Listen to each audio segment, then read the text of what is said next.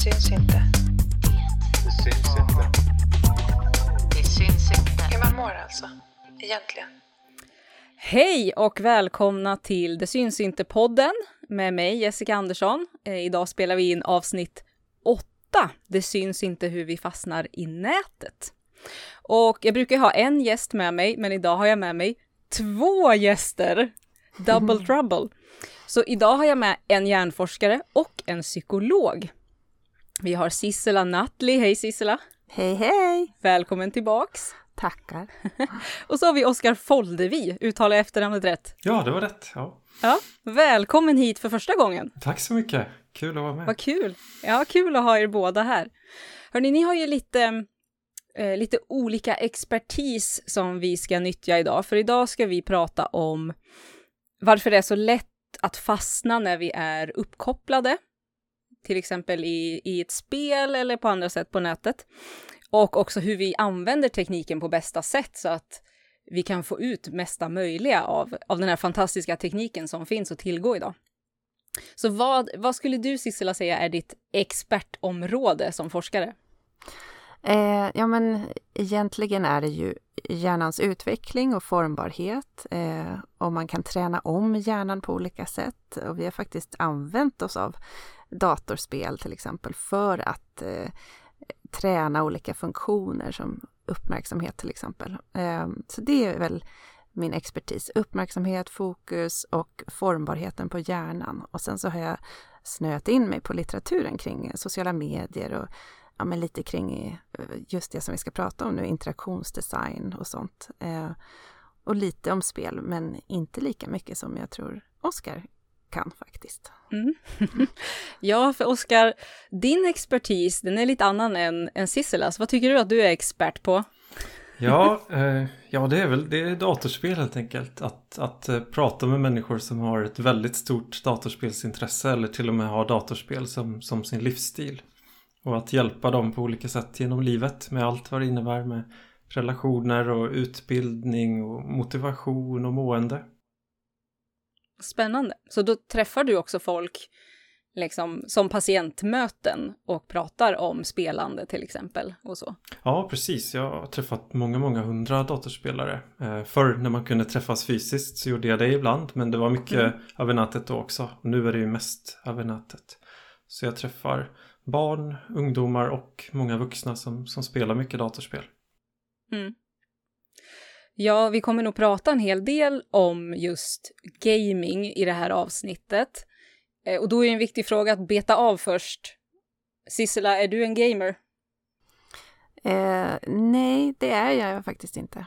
Jag, jag, jag, försöker hålla mig engagerad genom eh, mina barn, eller framförallt min son, eh, så att jag är lite insatt. Men eh, någon, jag har inte blivit någon biten gamer själv. Nej. Var stöter du på interaktionsdesign? Vi ska gå in lite mer på vad det är, men var stöter du på det i din vardag? Eh, framför allt i, i mobiltelefonen, men också såklart i alla digitala tjänster vi använder. Eh, interaktionsdesign handlar ju egentligen om att göra det så enkelt för oss som möjligt att, att välja rätt i tjänsten. Och det ska ju göra så att det blir funktionellt för oss på bästa möjliga sätt. Man ska inte ens behöva tänka på interaktionsdesign. Så följsam och intuitiv ska den ju vara så att man bara man fattar var man ska klicka någonstans för att göra det där köpet man gör på nätet eller ja, hittar vad man skriver en kommentar på en kompis inlägg till exempel. Mm. Den bara finns där liksom. Mm. Mm. Då är den bra om den bara finns där, om man inte tänker på det. Mm, mm, mm. Oskar, är du en gamer? Jag brukar inte kalla mig själv för gamer men jag är ju definitivt en datorspelare. Jag har ju spelat väldigt många timmar datorspel i mitt liv. Ja. Jag räknar väl ut någon gång att det måste vara minst sådär 15 000 timmar eller något sånt i alla fall. Ja, och det är bra. Ja, det blir en del. Och jag spelar ju lite nu för tiden också. Ganska lite på egen hand men lite grann med min son också och sådär. Mm. Vad spelas då? Eh, med sonen är det Minecraft som vi började med och har kört en del och sen nu har han blivit väldigt inne i Pokémon Go vilket jag också tyvärr har blivit då. jag är inte så bra på att göra saker lite grann sådär. ja, det går all in liksom. Ja, jag försöker ju styra undan från all in men ganska hårt ingår i alla fall att det ska spelas på ett visst sätt och man ska optimera och effektivisera och komma snabbt fram och ta bra beslut och sånt. Vilket ju datorspel handlar rätt mycket om. Mm. Snabba beslut också. Ja, snabba också. Mm. Mm. Mm. Ja, jag själv är ju inte heller någon gamer precis som Sissela, men jag, jag upplever nu att vi, vi har ju passerat nu året 2020, pandemiåret, och eh, då, då närmade jag mig i alla fall någonting sånt, för att jag har testat både Minecraft och lite allt möjligt, eh, rent för att vara social med vänner, och det är ju extremt kul, måste jag Mm. säga. Ja. Det visste jag inte innan. Eh, så det kanske blir en, en renodlad gamer av mig också, vi vet inte. Mm. Vi drar igång va? Är ni redo? Mm. Mhm. Då kör vi. Låt oss fortsätta definiera interaktionsdesign. Oskar, hur skulle du beskriva vad interaktionsdesign är? För vi har hört lite av Sissela här nu, att den liksom finns med där inbyggd och vi märker inte riktigt av den. Hur skulle du beskriva interaktionsdesign? Ja, men det, det är väl så egentligen hur man liksom designar en produkt med användaren i fokus. Hur det ska bli lätt att använda sig av produkten och hur det ska bli hjälpsamt på olika sätt. Men också kanske baksidan av det, hur man kan dra nytta av olika element för att styra användaren istället för att det är användaren som bestämmer. Mm. Så det, det, det finns ekonomiska mål med interaktionsdesign också, eller främst. Eh, Det är främst kanske egentligen, skulle jag säga, i många produkter i alla fall. Ja, men verkligen. Ja, och det blir ju lätt då när man pratar om interaktionsdesign att vi börjar prata om gaming och för att det är ganska, som jag har förstått det, ganska tydligt där hur, hur lätt man fastnar i till exempel ett, ett datorspel. Och om man kollar på lite statistik så eh, Statens medieråd släppte en rapport som heter Ungar och medier och där framgår att en tredjedel av killar mellan åldrarna 11 till 18 spelar mer än tre timmar per dag. Skulle ni definiera det som mycket, lite? Vad, vad, vad tycker ni om den statistiken? Hmm. Jag tycker ju att eh, tre timmar om dagen är väldigt mycket om man jämför med andra intressen. Om man sa att så här, ja, jag gillar att sticka så jag gör det tre, fyra timmar varje dag. Då skulle det för de flesta låta som väldigt mycket. Men alla vi som spelar dataspel är så vana vid att det är mycket timmar så för mig låter inte tre timmar så jättemycket. Och om man tänker ur den här aspekten med problem eller inte så är inte heller tre timmar så bra så här cut-off-värde, så bra gräns liksom. Utan då kanske man skulle ha lite, lite fler timmar. Mm. Fattar. Vad tänker du Sissela? Ja, men lite inne på samma spår. att Det är klart att eh, det är en, en stor andel av de vakna timmarna eh, per dag. Eh, så att eh, om den tiden är stillasittande eller om den är väldigt mycket mer än så för vissa, då kan man ju förstå att då kanske det blir svårt att hinna med andra saker som man också skulle behöva för att må bra, till exempel sova tillräckligt många timmar eller hinna röra på sig eller hinna med skolarbetet eller sådär.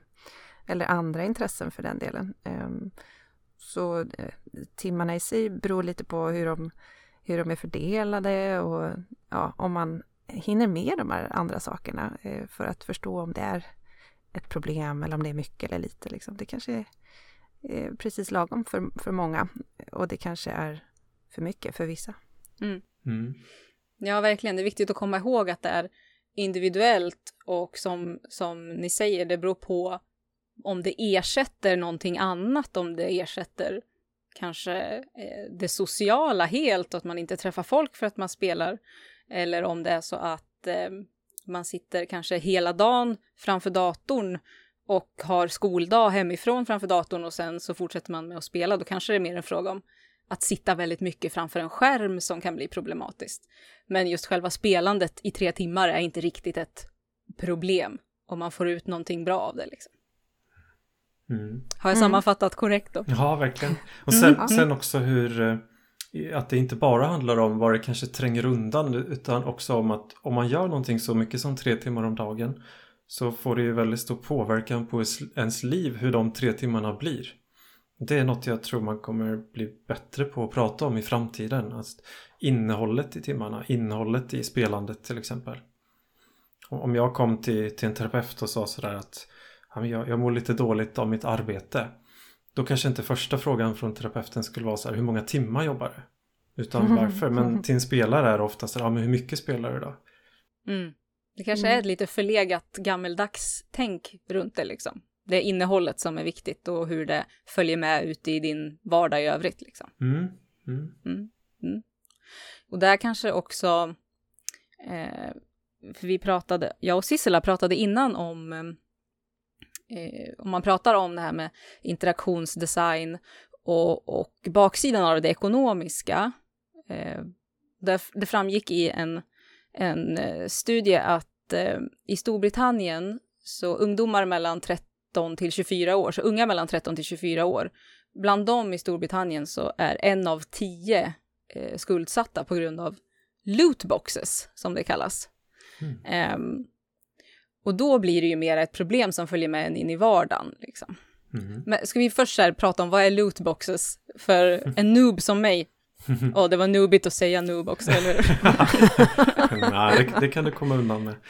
Men eh, lootbox, lootlåda, en, en låda med något innehåll som inte är känt för dig. Som det, där du liksom får en spänning i att öppna lådan och se vad blir det den här gången. Och ofta så kostar de här lådorna antingen så här valuta i spelet som du kan spela ihop. Men det går snabbare att, att stoppa in lite riktiga pengar och köpa den här lådan. Vad är det som driver oss att köpa den? Dels eh, de fördelar som det där innehållet kanske kan ge dig i spelet. Eller i alla fall att det kan ge något nytt spännande utseende till din gubbe i spelet till exempel. Men sen tror jag efterhand när man har provat på det några gånger att det ofta är så här spänningen i själva öppnandet i sig. Eller förhoppningarna innan som driver beteendet. Att det är så spännande sådär. Tänk om du får det där jätteovanliga föremålet just idag. Den där superbra spelaren i Fifa eller den där väldigt speciella skinnet som det heter i vissa spel så här, som ändrar utseendet på ett vapen eller på en karaktär. Mm. Och, och det kan driva en till att vilja köpa igen och igen och så kanske man hamnar där och, och är, är lite skuldsatt när man är 13 år gammal liksom. Mm. Ja, det, Supersvårt ju. det är inte allt för ovanligt bland de jag träffar heller. Att det har gått åt Nej. en massa pengar. Har man väl provat några gånger att köpa sådär så är det rätt svårt att stoppa faktiskt. Nej men och där, det är ju ganska intressant om man tittar på hur spelindustrin har förändrats ganska mycket också från att ha varit eh, spel som man köper till en, ett, ett fast pris till att många av de här spelen tjänar sina största pengar på just de här små eh, betalningslösningarna som det kan vara då till exempel med en lootbox eller att köpa ett nytt skin eller sådär. Eh, det har blivit majoriteten av, av eh, liksom omsättningen för många spel är just de här, det kallas för mikrotransaktioner då. Eh, så det finns väldigt starka skäl för spelutvecklarna att locka en till att köpa saker i, i spelen. Eh, och ett sånt sätt som jag nyligen fick eh, höra från en spelutvecklare som jag känner var att ja, de som har eh, ja, men Overwatch och World of Warcraft till exempel eh, och Call of Duty, de har då patent på en lösning som har en, en AI, eh, alltså en artificiell intelligenslösning som hela tiden tittar på hur spelaren eh, rör sig och använder eh, spelet förstås, men även när man då är inne i, i shoppen och tittar på vilka skins som finns, vilka vapen som finns och allt det här. Och då tittar den, då mäter den liksom hur många sekunder man tittar på varje skin. Och sen kan de lista ut, jaha du verkar lite sugen på det här gula skinnet. Så nästa gång när du ska matchas mot en, en annan spelare så blir du matchad med någon som har det här gula skinnet Oj. som du är lite sugen på. Som dessutom är lite bättre än vad du är. Och sen när du får stryk av den här personen i, i den här matchen så känner du ännu starkare så här, ja men det kanske var för att de hade det här gula skinnet, den här fördelen. Och sen när du går tillbaks in i shoppen nästa gång, ja då har de lagt en rabatt på det gula skinnet på 20% och då köper du. Så det finns liksom en massa ja, liksom, lösningar som vi inte har någon insyn i som fungerar på baksidan av spelen för att locka oss till att göra vissa val eller köpa vissa produkter på olika sätt. Eh, det är ganska eh, intressant men lite skrämmande också att, att det är på den nivån nu. Mm. Får man göra så här? Ja, eh, man får ju det för det är inte, det är inte reglerat eh, eh, på något sätt. Och det är ju inte för att någon är ondskefull. Det är ju mer för att det finns eh, stora pengar att tjäna. Eh, så det, det är ju inte en, en illvilja, men så länge det inte är reglerat så de spelutvecklare jag pratar med säger ju ja men det är så här det funkar, vi kan inte lämna pengarna på bordet utan vi, vi måste ju anpassa oss till spelets regler och det här är det som gäller. Ska vi tjäna pengar så måste vi få folk att köpa saker i, i spelen och då måste vi programmera spelen så att användare lägger så mycket tid som möjligt för när man har lagt så mycket tid som man kan, då är man också investerad. Då har man gjort val som visar att det här är uppenbarligen väldigt viktigt för mig. Eh, alltså för att jag har lagt så mycket tid. Alltså kan jag också spendera pengar på det. Eh, och det blir lättare att, att fastna på det sättet. Mm. Upplever du, Oskar, att någon eh, patient du träffat har berättat att, att, det är det, att det känns som att ju mer man investerar tid i det, desto svårare är det att slita sig för det känns som att man committar på något vis. Eller hur, hur brukar, hur Mm. brukar man prata om det om man har en problematik? Jo, det är ganska vanligt hos de som har spelat väldigt mycket i många år. eh, Att man till slut kanske tappar lusten och inte, det känns inte lika meningsfullt och roligt att spela längre. Men man fortsätter för att rättfärdiga att man har spelat så mycket innan också. Så att, eh, att, att liksom dra ner på det nu eller sluta nu, det kan kännas som att då erkänner jag att jag gjorde fel som spelar så mycket förut. Så då kan det kännas bättre att fortsätta. Och också för att fortsätta ha någon nytta av allt spelande som har skett innan. Allt du har byggt upp i spelet då, det blir ju liksom helt eh, värdelöst om du slutar med det spelet. För att det kräver mycket underhåll och så. Ja, det kräver underhåll men också att alla de timmarna de, de stannar ju där i spelet liksom. Allt guld du har där, alla grejer du har där, de finns ju bara i det spelet. Så om du inte fortsätter logga in där, då försvann ju det. Mm. Det är ju också det man använder för att få spelare att stanna i ett spel när det kanske kommer nya ännu liksom på vissa sätt bättre spel i samma kategori. Då vill man ju inte att alla bara ska hoppa över till det nyaste direkt. Så det är viktigt att många har investerat mycket tid och kanske pengar i ett spel för då kanske de stannar fast att det där nya är nästan ännu bättre eller mer spännande. Mm. På samma sätt eh, fungerar ju vissa sociala medier med ja, men till exempel Snapstreaks. Då, då samlar man ju dagar när man skickar eh, snaps eller bilder till varandra i dagar i följd. Och det blir också någonting som känns som ett värde som man har byggt upp när man har skickat till sin kompis och fått tillbaka en bild 250-300 dagar i sträck. Då ska det mycket till för att man ska bryta den där snapstreaken. Eh, och man fortsätter och fortsätter bara för att man just som Oskar beskriver i spelparallellen eh, då, att man har investerat i det här och eh, det blir svårt att bryta och det finns till och med en psykologisk mekanism som kallas då för loss aversion. Man, är, man vill hellre fortsätta eh, samla på någonting även om man tycker att det är ganska värdelöst än att förlora någonting som man har byggt upp för att det, det, det blir ett värde eh, kring det som man tidigare har byggt upp. Mm. Hur skulle du Sissela utifrån, har du fler exempel utifrån hjärnan, utifrån det perspektivet, det som du jobbar med, varför det är så svårt att hålla balans? Ja, men det är ju liksom en, en kombination av eh, väldigt smart interaktionsdesign eh, som trycker på just de gamla delarna av hjärnan som har väldigt känslomässiga drivkrafter. Eh, nyfikenhet, vår sökande efter belöningar, vår eh, liksom längtan, vårt sug, vår rädsla för att hamna utanför, eh, spänningssökande. Massa av de här liksom primära drivkrafterna som har hjälpt oss att överleva. Som är, det är inget fel på de här drivkrafterna, men i kombination med hur interaktionsdesignen är uppbyggd så kan det bli väldigt svårt att bromsa de här impulserna. Och det blir ofta väldigt kortsiktiga beslut eh, när man eh, liksom efteråt ångrar, åh, nu hann jag inte göra läxan igen. Nu fastnade jag i soffan och scrollade i fyra timmar istället. Eh, och det kändes omöjligt att ta något annat beslut i den stunden. Men efteråt så känner man, när man får tänka med sina liksom, nyare pannlobsfunktioner som har ett längre perspektiv i åtanke, då kan man känna att man, man ångrar det där som nästan gick på instinkt. Och det är väl det som är svårt, och särskilt när man är ung eftersom man inte har full kontroll ännu över sina eh, liksom, tänkande pannlobsfunktioner som, som ska hjälpa en att ta de där långsiktiga besluten.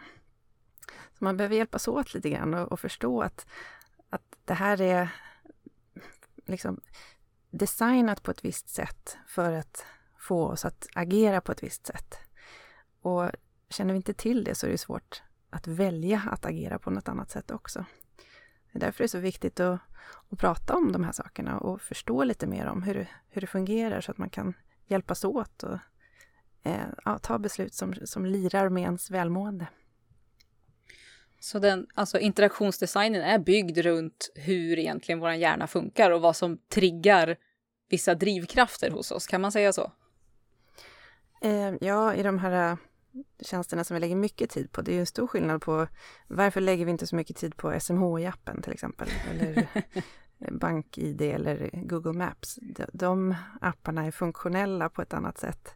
Eh, det som vi pratar om nu är ju eh, liksom underhållningsappar eller appar som eh, är gratis och som har en, en en affärsmodell som bygger på att vi ska vara där lång tid. Egentligen skulle ju SMHI kunna stoppa in massa annonser och gamification-element och interaktionsdesigns-element som skulle få oss att hela tiden uppdatera. Det, vissa gör kanske det, men av ren nyfikenhet om man gillar väder mycket. Men annars så finns det inte så mycket mer att hämta där. Men får vi bara små belöningar eller eh, någonting som triggar vår nyfikenhet eller känna den här sociala investeringen för spelande handlar ju väldigt mycket om att vara social också och förstärka sina kontakter eller hitta nya kontakter eller sådär, gissar jag, eller hur Oskar? Mm, ja, väldigt mycket.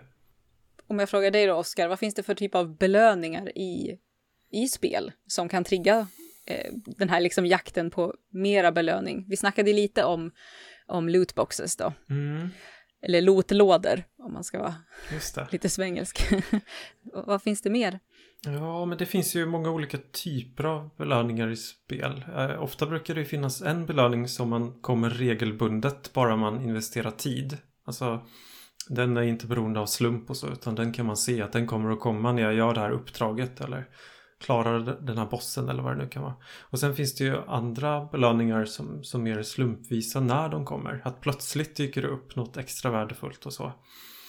Och så finns det ju ja, belöningar som skiftar i storlek också. Att när du gör ett visst uppdrag så vet du inte om du ska få en liten belöning eller stor. Och så börjar man väl se lite grann att man har byggt in någonting som man pratar mycket om vad gäller spel om pengar. Så här, nästan vinster eller near misses. Att man ska, när man inte får en belöning, eller i alla fall inte den belöningen man hoppades på, så vill man ändå ge spelaren en känsla av att han eller hon var väldigt nära den här belöningen. Mm. Men det är ju en, en, eh, en vanlig teknik även i, ja, men även i liksom mobilspel och sådär, eller free to play-spel, alltså spel där det, det är gratis, där man har gjort så med flit kanske, att eh, man är väldigt generös med att ge bort eh, spelupplevelse i början så att det kan vara att det är gratis att spela de första 30 nivåerna och, och sen så eh, för att fortsätta så måste man betala då. Och då är man ju oftast redan liksom inne i spelet och är, eh, har investerat mycket tid förstås och då är det lättare att, att konvertera den här spelaren till en köp, köpande spelare. Men då handlar det också om här, till exempel att ge gratis liv. Ja, men Candy Crush och sådana här spel, liksom. där får man ju gratis liv bara av att eh, logga in varje dag och spela. Och så kan det vara så att man med flit lägger in en jättesvår nivå plötsligt. Eh, och så blir man, spelar man de där eh, eh gratisliven och sen så har man liksom fastnat på den där nivån och, och liksom konsumerat eller gjort av med de här fem liven. Eh, då är man, man är så nära att, att klara den här nivån och man får veta det att så här, oh, det hade bara en kvar. då, det är en sån här liksom near win känsla, liksom att man hade du bara haft ett liv till nu så hade du klarat det. Ska du köpa ett liv till? Okej då.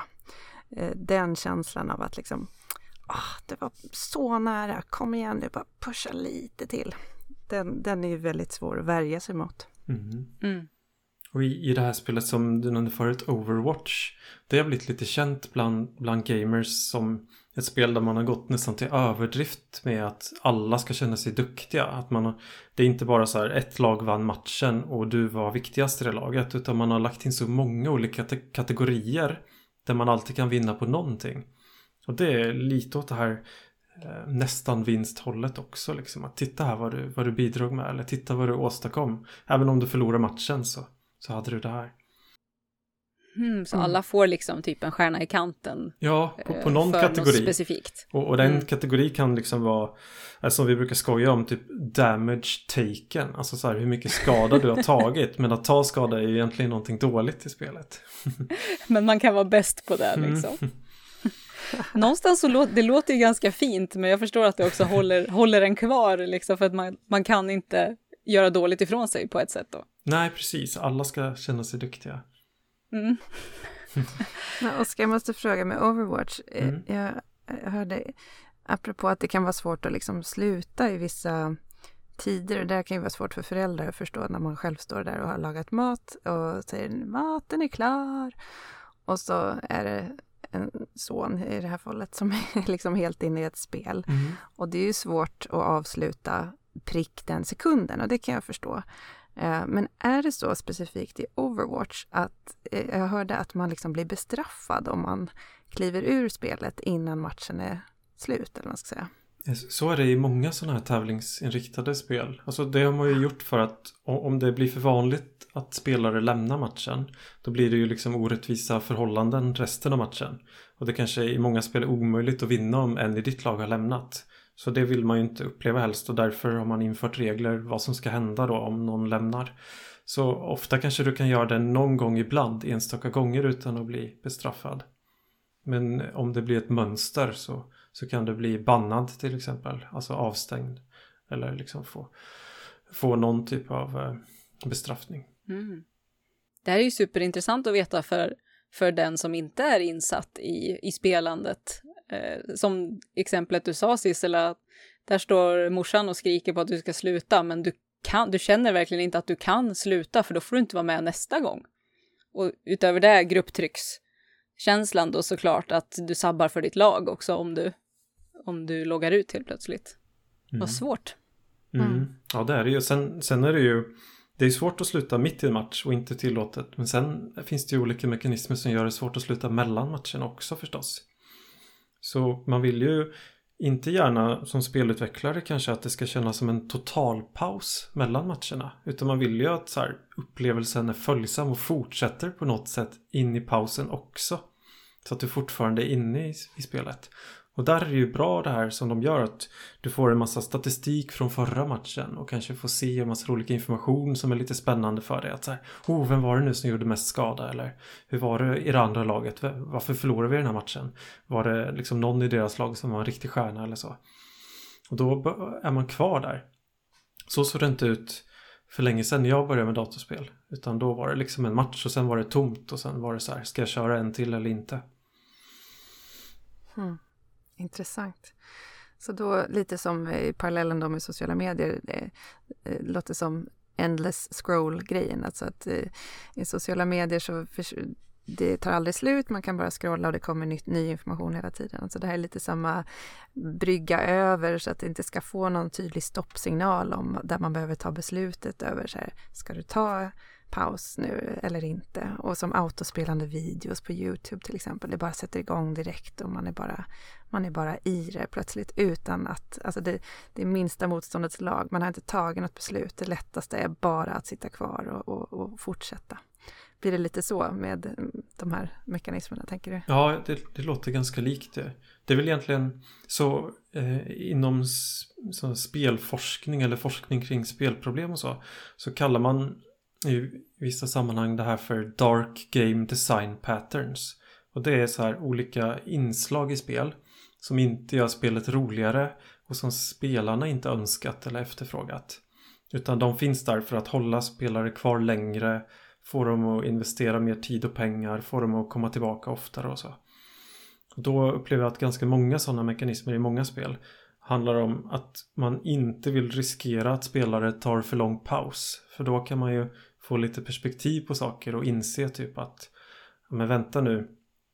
Eh, liksom det känns inte riktigt rätt att jag prioriterade bort mina relationer och mina studier för att få ett bättre svärd i World of, Warcraft. Medan när man är mitt inne i spelet och alla andra också strävar efter att få bättre grejer då känns det naturligt att så här, det är viktigt. Så, så det är mycket sånt att så här, inte, inte för långa pauser ska ni inte ha. Ni spelare. Mm. Det är sjukt intressant. Verkligen jätteintressant. Finns det, eh, för det finns ju väldigt många olika typer av spel. Upplever du, Oskar, att det finns en genre som, som är extra lätt att fastna i? Om du tänker på kanske de du pratar med i ditt jobb och så.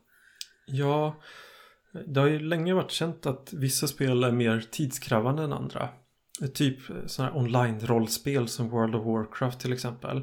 Där olika uppdrag tar så mycket tid att det är ingen idé att spela lite grann här och där. Då kommer du ingenstans.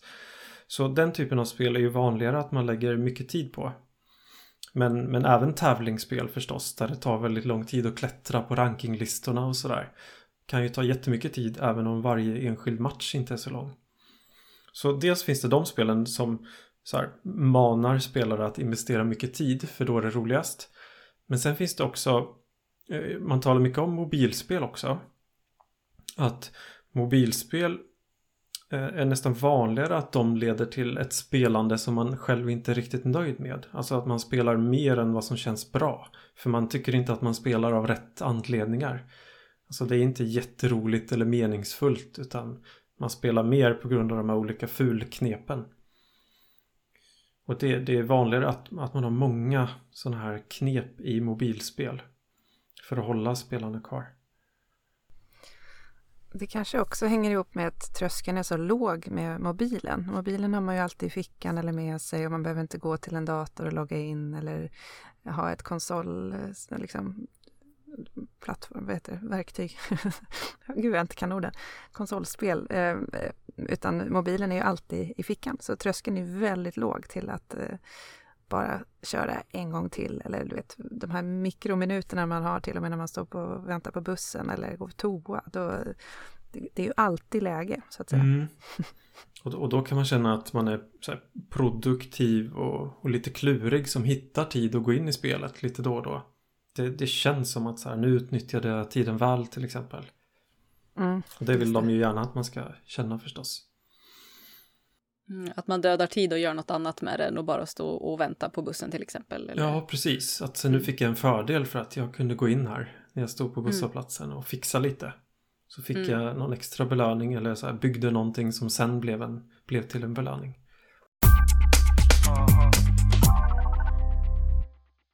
Men finns det spel som, som helt och hållet saknar alla de här mekanismerna som ni radat upp, liksom, som håller en kvar? Finns det de som gör spel som saknar de här funktionerna?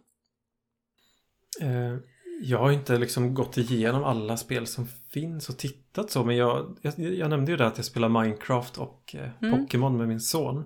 Och där är det ju ganska tydligt att Minecraft har inte så många sådana här element.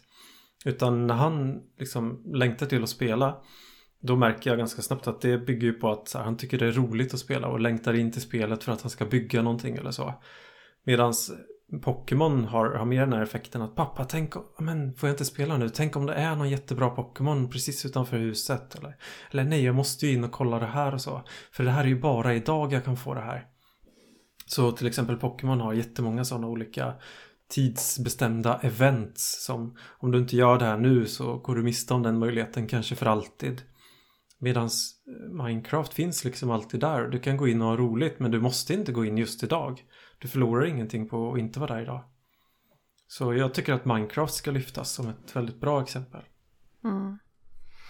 Ja, nej, men en av de spelutvecklare som jag känner hade gått igenom eh, många spel för att titta på just sådana här saker. Och han tyckte Animal Crossing var ett exempel där det inte fanns liksom microtransactions eller in-app purchases på det sättet och inte hade så många av de här elementen. Eh, så den var också hyfsat högt rankad i hans genomgång i alla fall.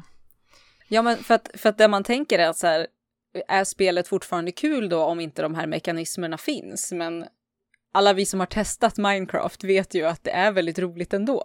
Mm. Eh, så att det borde ju rimligtvis gå då att utforma spel som, som inte i alla fall är lika tunga med de här funktionerna. Ja, men det kräver ju mer av spelet. Då måste det ju vara ett riktigt bra spel på riktigt. Som innehåller lite nyskapande och är meningsfullt och så. Så det är väl det spelutvecklarna har att välja på. Investera massor timmar och göra någonting jättekul spel som de kan vara stolta över. Eller liksom falla för det här att ta till lite knep för att säkra inkomsterna och slippa lägga lika många timmar på att göra jättedjupt innehåll och sådär. Mm, det är precis det jag får höra också att det, som spelutvecklare så är uppdraget att optimera för tid och då gör man det på det billigaste sättet man kan. Man gör repetitionsloopar, man gör egentligen samma sak hela tiden. Man samlar saker, man samlar vapen och eh, fördelar som man hittar runt omkring och de finns i alla levels. Det är bara att eh, världarna ser lite olika ut. Eh, det är lite olika design på det hela men det är egentligen en repetition av samma sak om och om igen. Sen får du annan information rent visuellt och det känns nytt, men det är samma sak du gör om och om igen. Och du får till och med liksom känslan av att du går framåt i spelet fast du kanske inte egentligen gör det. det du kommer aldrig hamna högst upp på scoreboarden. Du kommer alltid vara tvåa eller trea, men du kommer känna som att ah, nästan för att du har fått fler siffror där. Men den riktiga progressionen är ju väldigt oklar och den är ju en manipulation av den information som ges till dig. Uh, ja. Alltså det, det finns liksom en, en mall som man följer egentligen på det stora hela för att det är effektivare och det förstår man ju att, eh, att spelföretagen hamnar där också. För att som, som vi sagt, de måste ju också leva och tjäna pengar och allt det där såklart.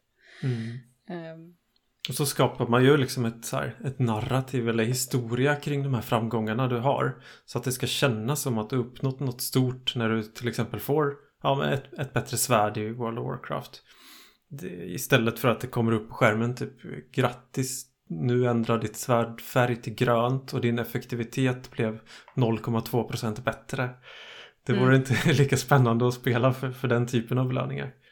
Nej, såklart. Utan det är istället liksom det här The Sword of Nalmorth. Så det här är jätteunikt. Så här, det kan bara droppa en av 500 gånger man klarar den här bossen som är jättesvår. Och mm. Då blir det lite mer spännande. Mm, och det är ju härligt. Alltså spel har ju alltid funnits. Så det är inte så att det finns någonting eh, dåligt i att ha spel som, är, eh, som triggar de här drivkrafterna. Det som blir problematiskt är ju när det blir för mycket och det blir på ett sätt som, som spelaren själv inte vill att det ska vara, där det, där det går ut över livet. Men Oskar, kan inte du... Det, visst finns det numera en, en, en diagnos kopplad till överdrivet spelande? Ja, alltså internationellt så finns det den här diagnosen eh, Internet Gaming Disorder i ICD-11 som det här systemet heter.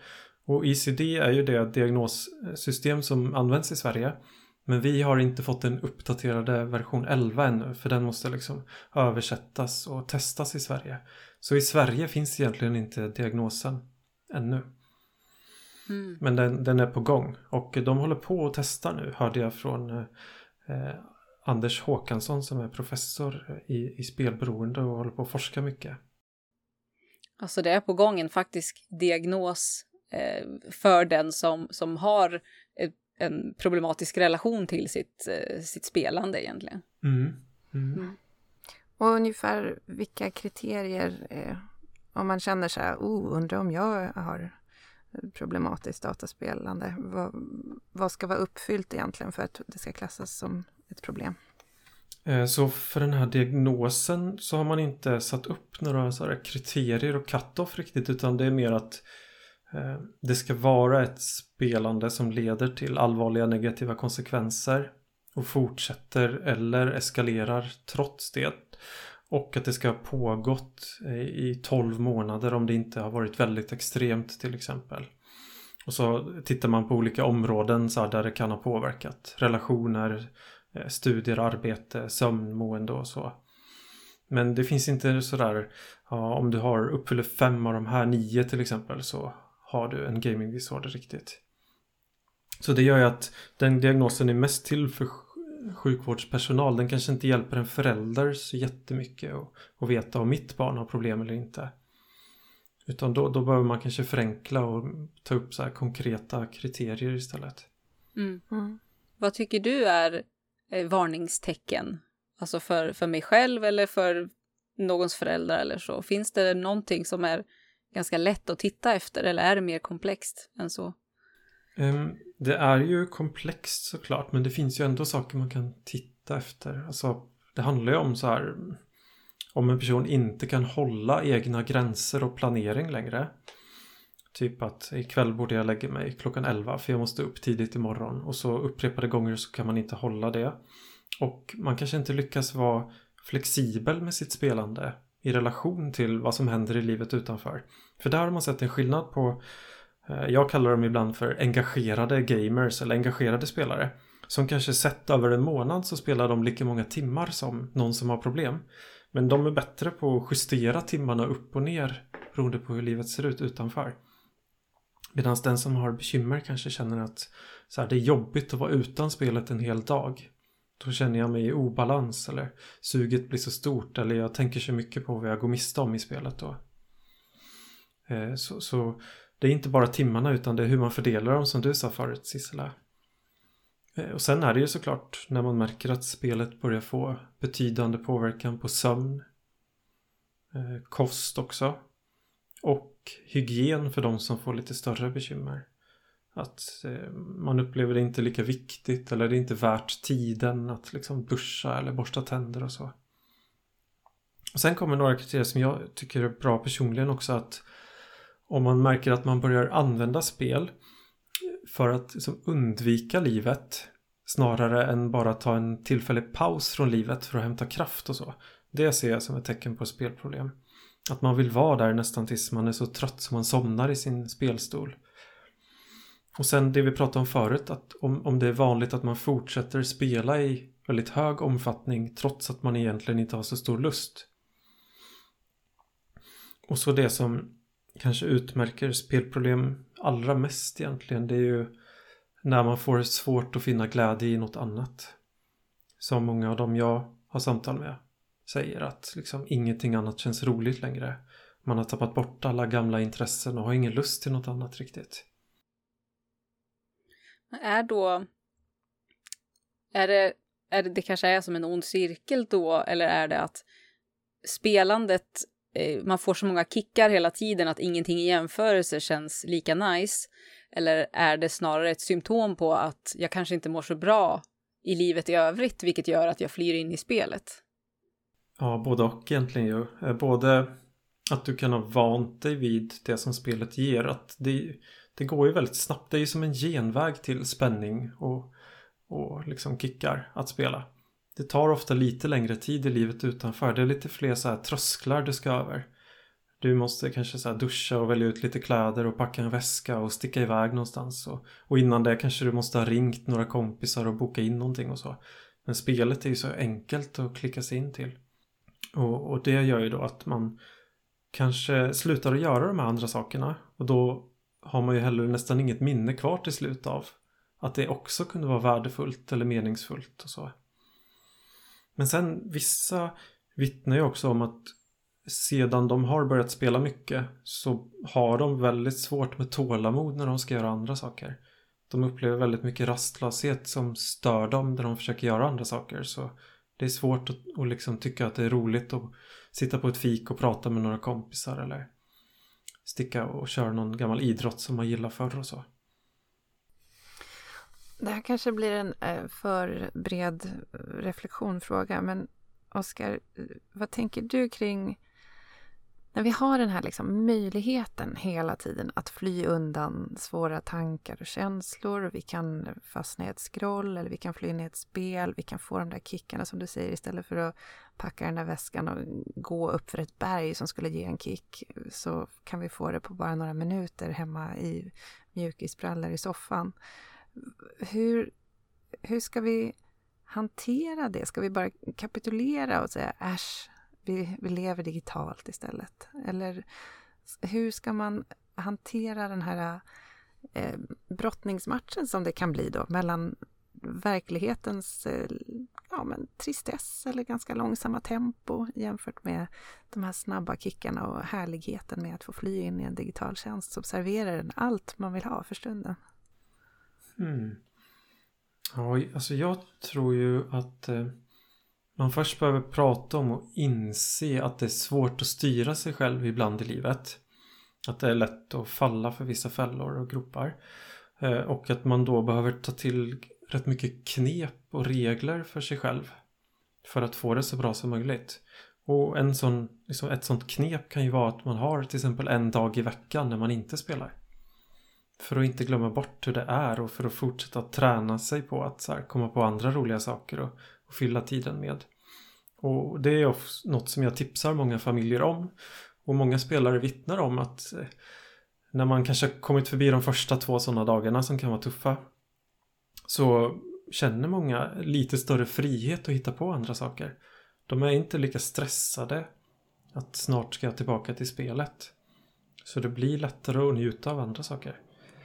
Så jag tycker ju inte man ska kapitulera utan jag tycker ju att man ska ta till lite knep för sig själv precis som spelutvecklarna och utvecklarna av sociala medier tar till sina knep. ja, verkligen. Kontra med egna knep. Ja, så det, det är liksom inte genom att vara en stark krigare som kämpar hårt som man klarar det här. Utan det är ju mer genom att vara en så här, uppfinningsrik person eller en ingenjör som kommer på massor olika knep och strukturer som hjälper i vardagen. Mm. Som jag vet att du pratar mycket om Sissela vad gäller sociala medier också. Ja, jag håller helt med och jag tror att eh, lite kan man prata om trösklar, precis som eh, spelen och mobiltelefonerna har så otroligt låga trösklar för att få de här härliga känslorna eller få eh, göra att man i alla fall stannar där inne väldigt lätt. Vi behöver eh, fundera lite mer över vad vi vill göra med våran tid och planera för det.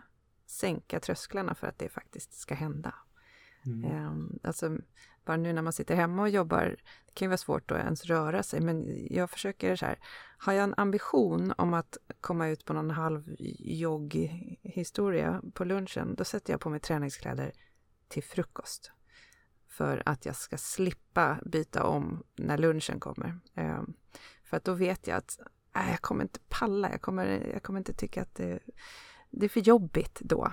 Eh, så jag sätter på mig träningskläder till frukost och så sitter jag och jobbar i träningskläder. Så att jag lätt bara kan snöra på mig ett par skor och så blir det av. Eh, I alla fall med större sannolikhet. Och sådana mm. där, jag tror att det är det du menar också med att vara liksom ingenjör och påhittig, att man måste så här, hacka sig själv eh, lite grann och inse vad är mina fällor och vad är det jag egentligen vill göra som jag faktiskt inte gör och hur kan jag få till det lite lättare? Mm. Och så måste man planera för att det ska bli av. Och börja, ja, jag håller verkligen med. Och börja med enkla saker. Så att man får in en känsla av att jag kan följa min plan. Att så här, oj vänta nu, jag var en person som gjorde det jag hade bestämt mig för. Och eftersom jag gjorde det igår och i förrgår så kan jag väl göra det idag också det, man börjar liksom berätta om sig själv på ett annat sätt. Det har jag märkt med många spelare som jag har haft samtal med. Att, att när man kan komma dit att man börjar se på sig själv och berätta om sig själv som en person som faktiskt planerar och tar beslut och får saker gjort. Då har man kommit jättelångt liksom. Medan innan kände man sig som någon som bara flöt med i livet och åkte lite dit och lite hit beroende på strömmarna i vattnet. Mm. Att det är en skön känsla att ha lite makt över sitt eget liv liksom. Mm.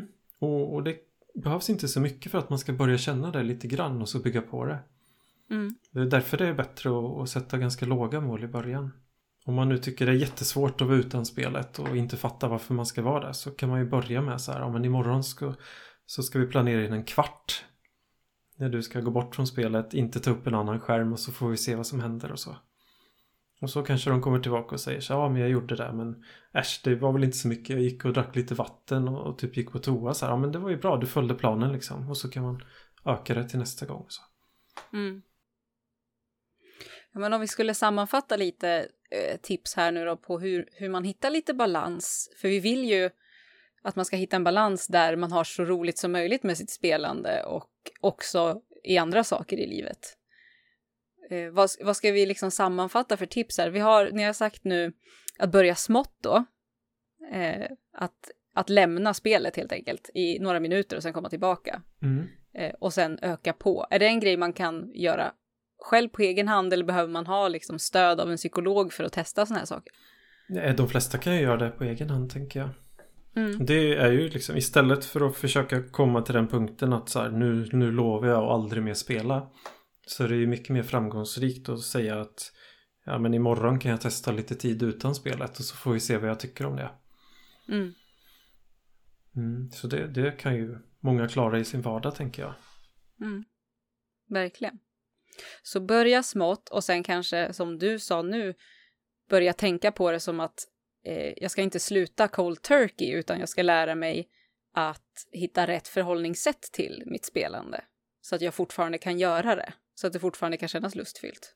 Nej, absolut. Jag, jag brukar till och med skoja med en del att här, en motivationsfaktor kan ju vara att om du får ordning på ditt spel nu så kan du fortsätta ha det här som ett jättekul intresse hela livet och så kan du sitta på ålderdomshem och lana med, med de andra på boendet och så. Och då skrattar många men eh, liksom också känna att just det, då har jag ju massor tid. Då har jag jobbat färdigt så här, det kan ju bli kul faktiskt. Mm. Då har man hela livet på sig att gamea liksom. Ja, Ja. Och sen så testa egna små tips och tricks. Alltså man behöver väl lära känna sig själv och veta att jag, jag, jag gör det jag tänkt mig att jag ska göra om jag planerar in det som, som du sa Sissela. Eh, att eh, då, då gör jag det faktiskt om jag skriver i kalendern eller om jag, som du, ditt exempel, tar på mig träningskläderna direkt på morgonen så att det blir lägre tröskel sen när jag ska göra saker. Ehm, så att man måste, man måste veta vad man själv helt enkelt eh, svarar på för metoder. mm. Och det är ju jättesvårt kanske att lära känna sig själv. Och det kanske får ta sin tid då. ja det gör det ju precis. Men ofta kan man ju kanske inte bara testa en gång och sen säga det här var inget för mig. Utan man behöver ju prova lite mer. Mm. Samma sak Ge med så här, lite tid. Ja, samma sak med ordning man gör saker i. Alltså, vissa har väldigt svårt att slita sig från spelet när de väl har börjat spela. Så för dem funkar det ju bäst att göra andra saker först.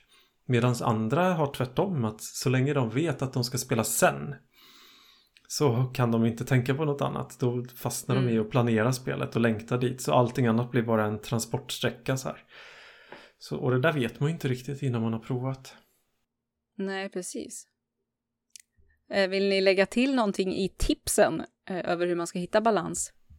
Eh, Ja, en grej till jag tänker på, det är någonting som vi Eh, pratade lite om i början av samtalet, men att det handlar ju inte bara om hur mycket man gör någonting, utan vad man gör. Så att alla spelare bör ju känna efter liksom, hur, vad tycker jag nu om det här spelet jag spelar och med de eh, människorna jag spelade med och så. Känns det här meningsfullt så att jag är nöjd efteråt? Eller känns det som att jag föll för 16 olika fulknep på vägen och så går jag därifrån lite så här, känner mig lurad till exempel. Då är det inte så positivt. Hur viktigt eh, tänker du Oskar att det är att synka med andra? Alltså det kan ju vara en, en kompisgrej att man spelar och att andra har mycket mera liksom, fria tyglar med hur mycket de får spela och sådär. Det kan ju vara svårt då att eh, säga, åh, nu måste jag sluta, men de andra fortsätter. Mm.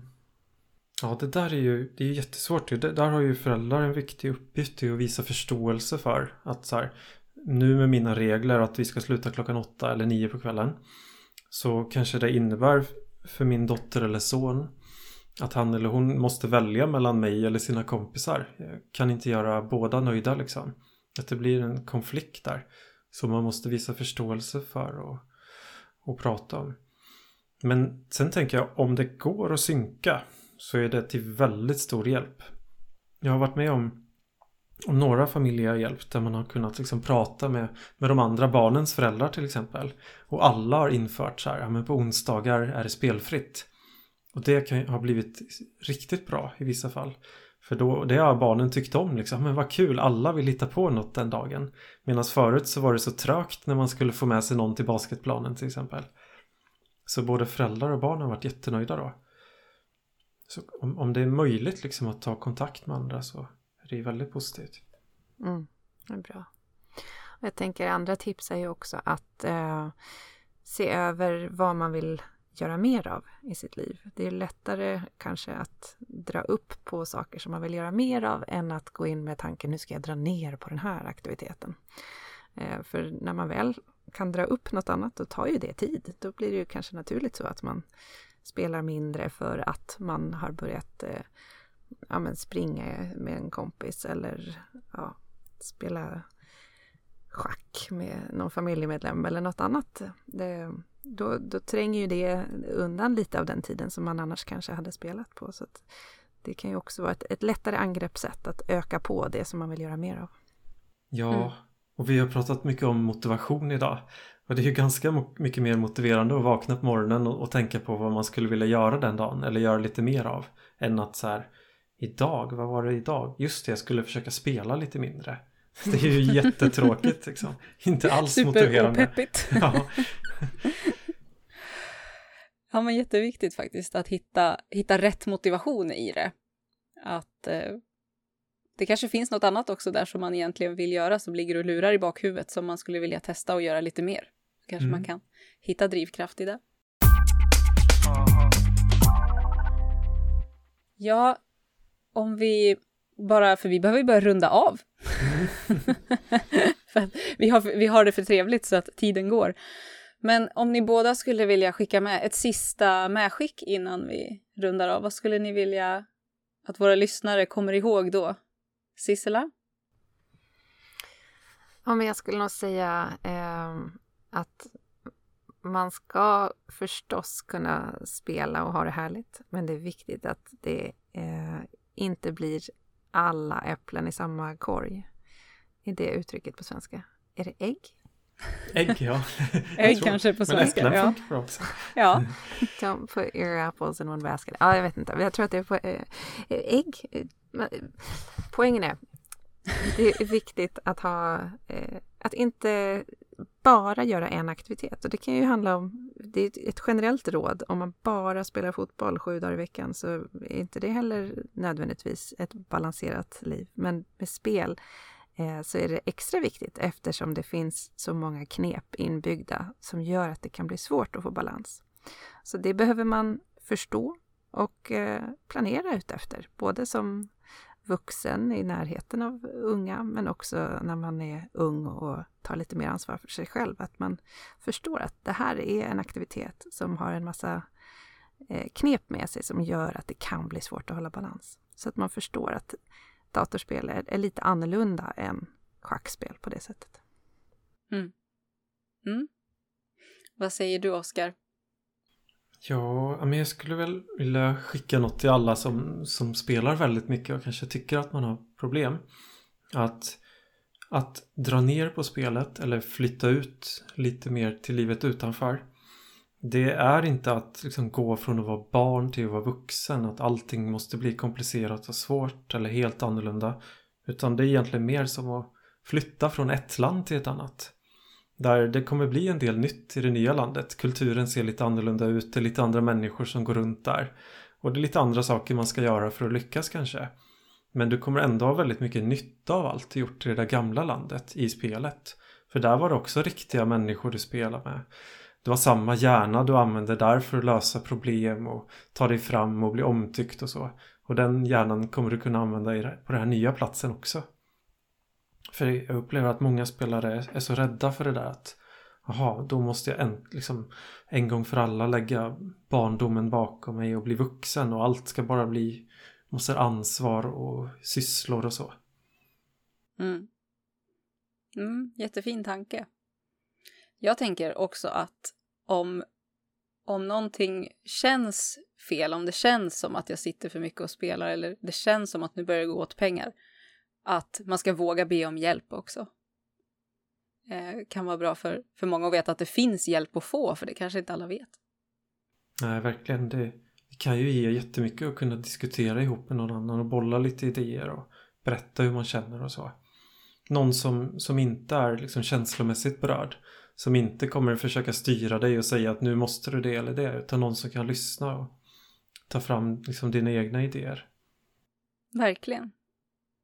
Vill du säga något, Sissela? Nej, men jag tänkte, och visst finns det en hel del information på er hemsida, Oskar, på Reconnect? Ja, jag har försökt, vi har försökt skriva ihop lite olika blogginlägg och lite information både till föräldrar och spelare. Och, Mm. och så har jag haft eh, ett par spelare, en som jag har hjälpt tidigare och sådär, som har skrivit en massa blogginlägg om hur det var att ta en paus från spel. Vad som Mm. hände känslomässigt och hur tankarna gick och vad han tyckte att han fick ut av det och så. Så det finns eh, en del bra grejer att hitta faktiskt. Och sen lite, lite länkar vidare till annan information och så. Jättebra. Och den hemsidan heter reconnect.se. Ja, precis. Så titta in där eh, om du bara är nyfiken eller om du känner att du kanske behöver lite tips och råd och vägledning. Då finns det andras historier där och lite annat att titta på. Mm. Ja, men hörni, vad trevligt det här har varit och superintressant. Verkligen. Tack så jättemycket för att eh, ni ville vara med på det här poddavsnittet båda två. Superkul. Ja, Ja. Tack så mycket att jag fick vara med. Ja, det var vårt nöje, helt och hållet. Men då eh, säger vi hej då för idag då och så hörs vi kanske i nästa avsnitt då. Hej då! Hej då! Hej då!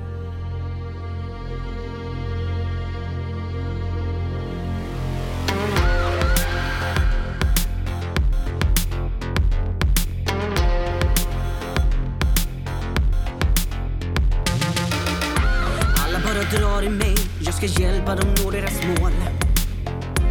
Aldrig bara vara för mig, jag ska leva som deras symbol. Men vem är jag? För vek för släktens ideal. Ja, vem är jag? Ni ser en blatte, ser bara mitt skal. Låser in bakom skärmen där, ingen jävel ser vem jag är. Än värre, jag tar nästa wing, ingen dömer, köper mitt skin. Men vem är jag? Hack 105 bara mata kills för här. Är jag En gamer med sjuka skills. Jag tar min plats, tar min strid i min värld Där jag får chans att visa vem jag är. Inuti Jag får vara stark och fri i min värld. Där ingen vet någonting om mig.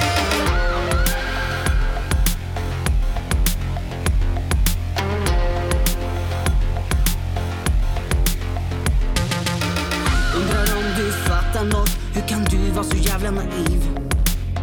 Ser du hur jag sliter tur när jag lever mitt dubbelliv? Och mitt lag ska spela hela dagen och gå till final och medan jag tolkar på en vårdcentral